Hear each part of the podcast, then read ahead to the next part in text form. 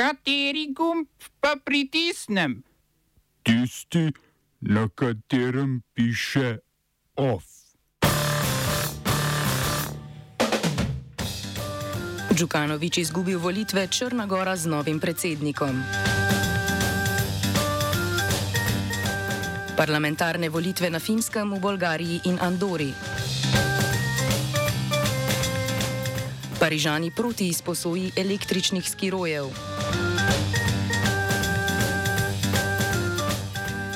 Državni zbor s predlogom za izločitev Klemna Jakliča iz odločanja o noveli zakona o RTV.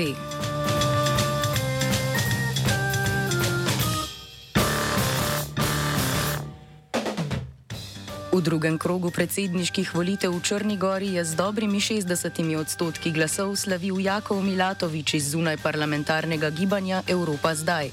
Na predsedniškem stolčku bo zamenjal Milana Džukanoviča, Mila Džukanoviča pardon, iz Demokratske stranke socialistov, znane kot DPS, ki je bil od uvedbe večstrankarskega sistema premijer kar sedemkrat. Volitev se je udeležilo približno 70 odstotkov volilnih upravičencev, 6 odstotkov več kot leta 2018, ko je predsednik drugič postal Džukanovič.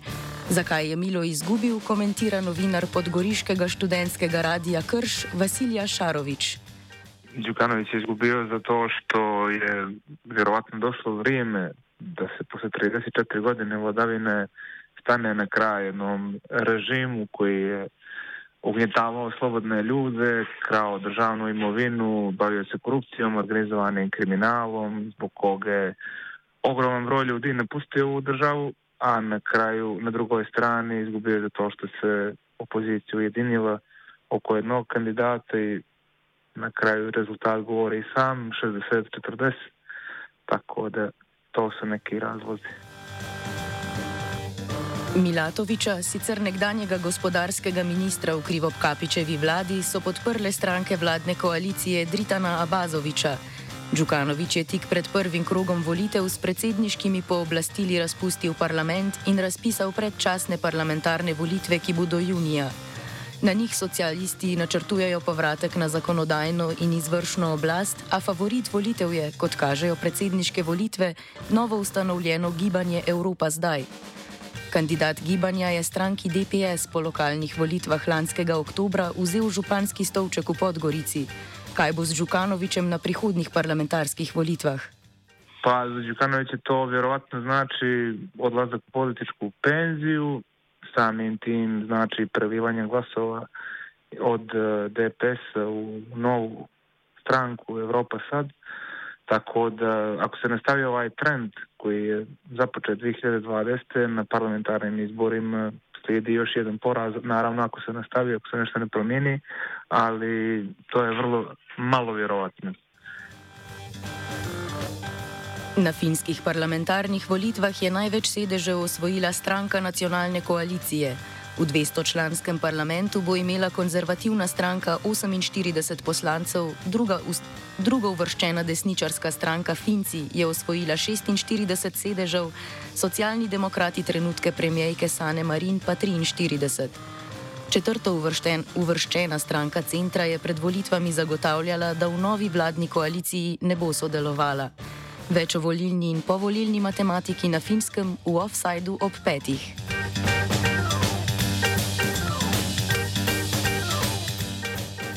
Pet mesecev od zadnjih volitev in petič v obdobju dveh let so poslance volili v Bolgariji.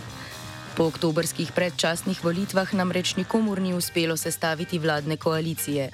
Po 96 odstotkih preštetih glasov je stranka nekdanjega premijeja Bojka Borisova prejela 26 odstotkov glasov. Stranka Kirila Petkova, či, čigar vlada je padla lanskega avgusta, je na drugem mestu s slabimi 25 odstotki prejetih glasov. Razdrobljenost glasov med drugimi strankami. V parlamentu bo, kot kaže, skupno sedem strank, za sestavo koalicije znova ne napoveduje nič dobrega.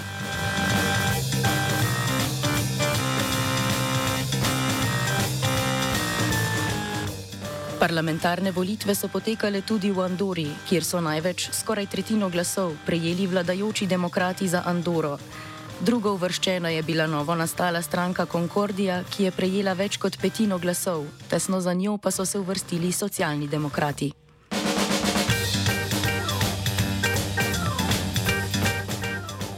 Člani sindikata učiteljev v Veliki Britaniji so z 98 odstotki glasov zavrnili vladno ponudbo zvišanja plač šolnikov za dobre 4 odstotke in izplačilo enkratnega dodatka v višini dobrih 1000 evrov.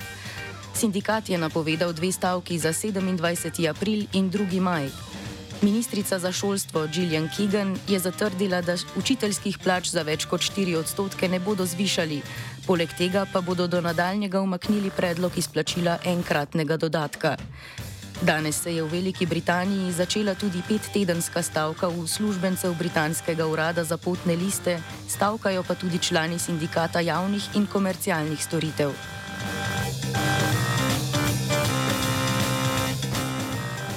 Burkina Faso je izgnala dopisnika francoskih časopisov Le Monde in Libération.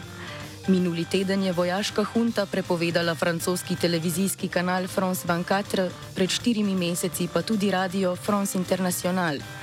Pregon francoskih novinarjev sledi prevzemu oblasti strani vojske. Februarja lani je nova vojaška oblast zahtevala, da francoski veleposlanik in francoski vojaki državo zapustijo, kar se je tudi zgodilo. Letošnjega marca je Burkina Faso preklicala tudi pogodbo o vojaški pomoči, ki jo je s Francijo podpisala leta 1961.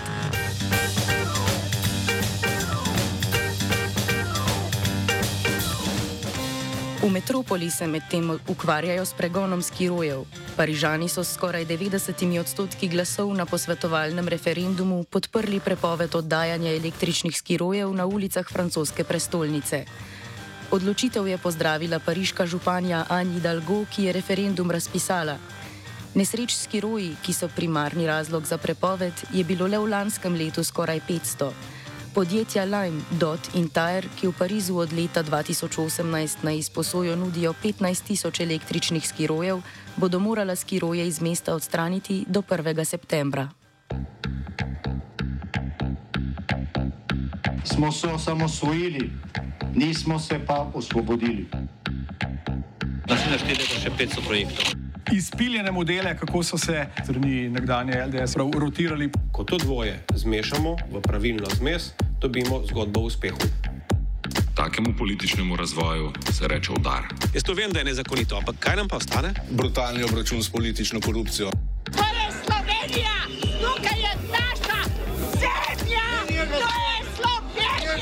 Slovenija, Slovenija. Medtem ko v Franciji eskiroje prepovedujejo, je slovenska policija začela izvajati poostren nadzor nad njihovimi vozniki. V primerjavi s Parizom, kjer, lani, kjer se je lani zgodilo 500 nesreč z eskiroji, so jih v Ljubljani zabeležili 231. V soboto je v veljavo stopila nova, nova nove, novela zakona o starševskem varstvu in družinskih prejemkih.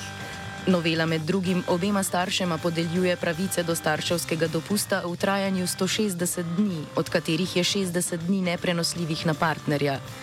Doslej je imela neprenosljivi dopust zgolj mati, ta pa je znašal 30 dni. Spremembo je implementirana Evropska direktiva o usklajevanju poklicnega in zasebnega življenja, pojasnjuje Dan Juvan, državni sekretar z Ministrstva za delo.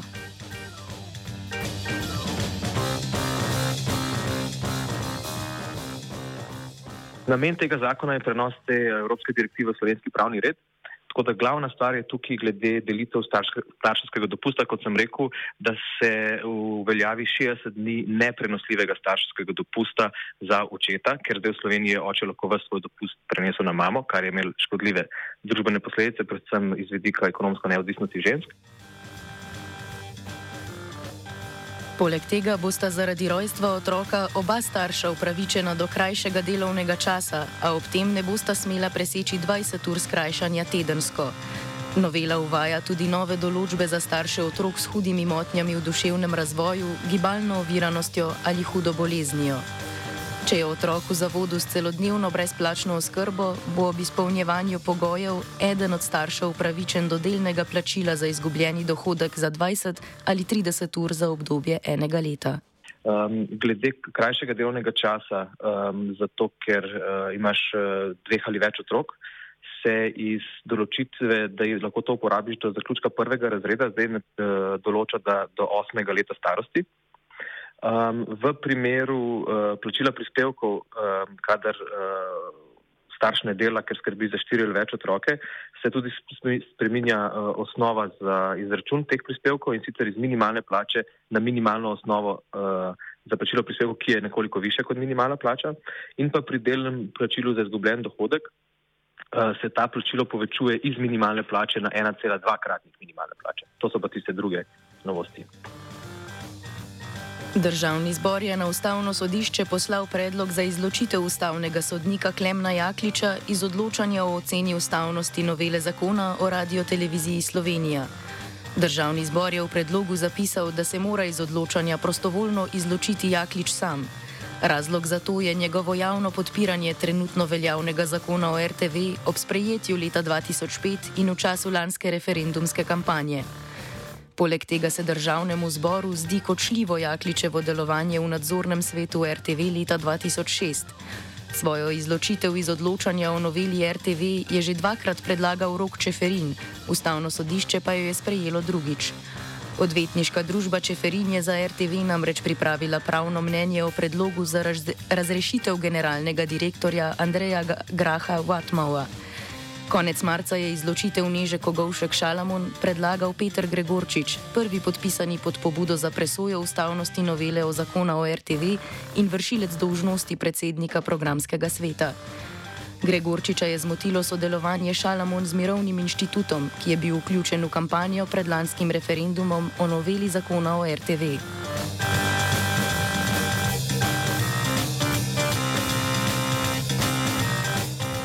Piratska stranka je začela zbirati podpise za uložitev predloga dopolnitve zakona o lokalnih volitvah, s čimer nameravajo omejiti županski mandat na največ dva zaporedna mandata.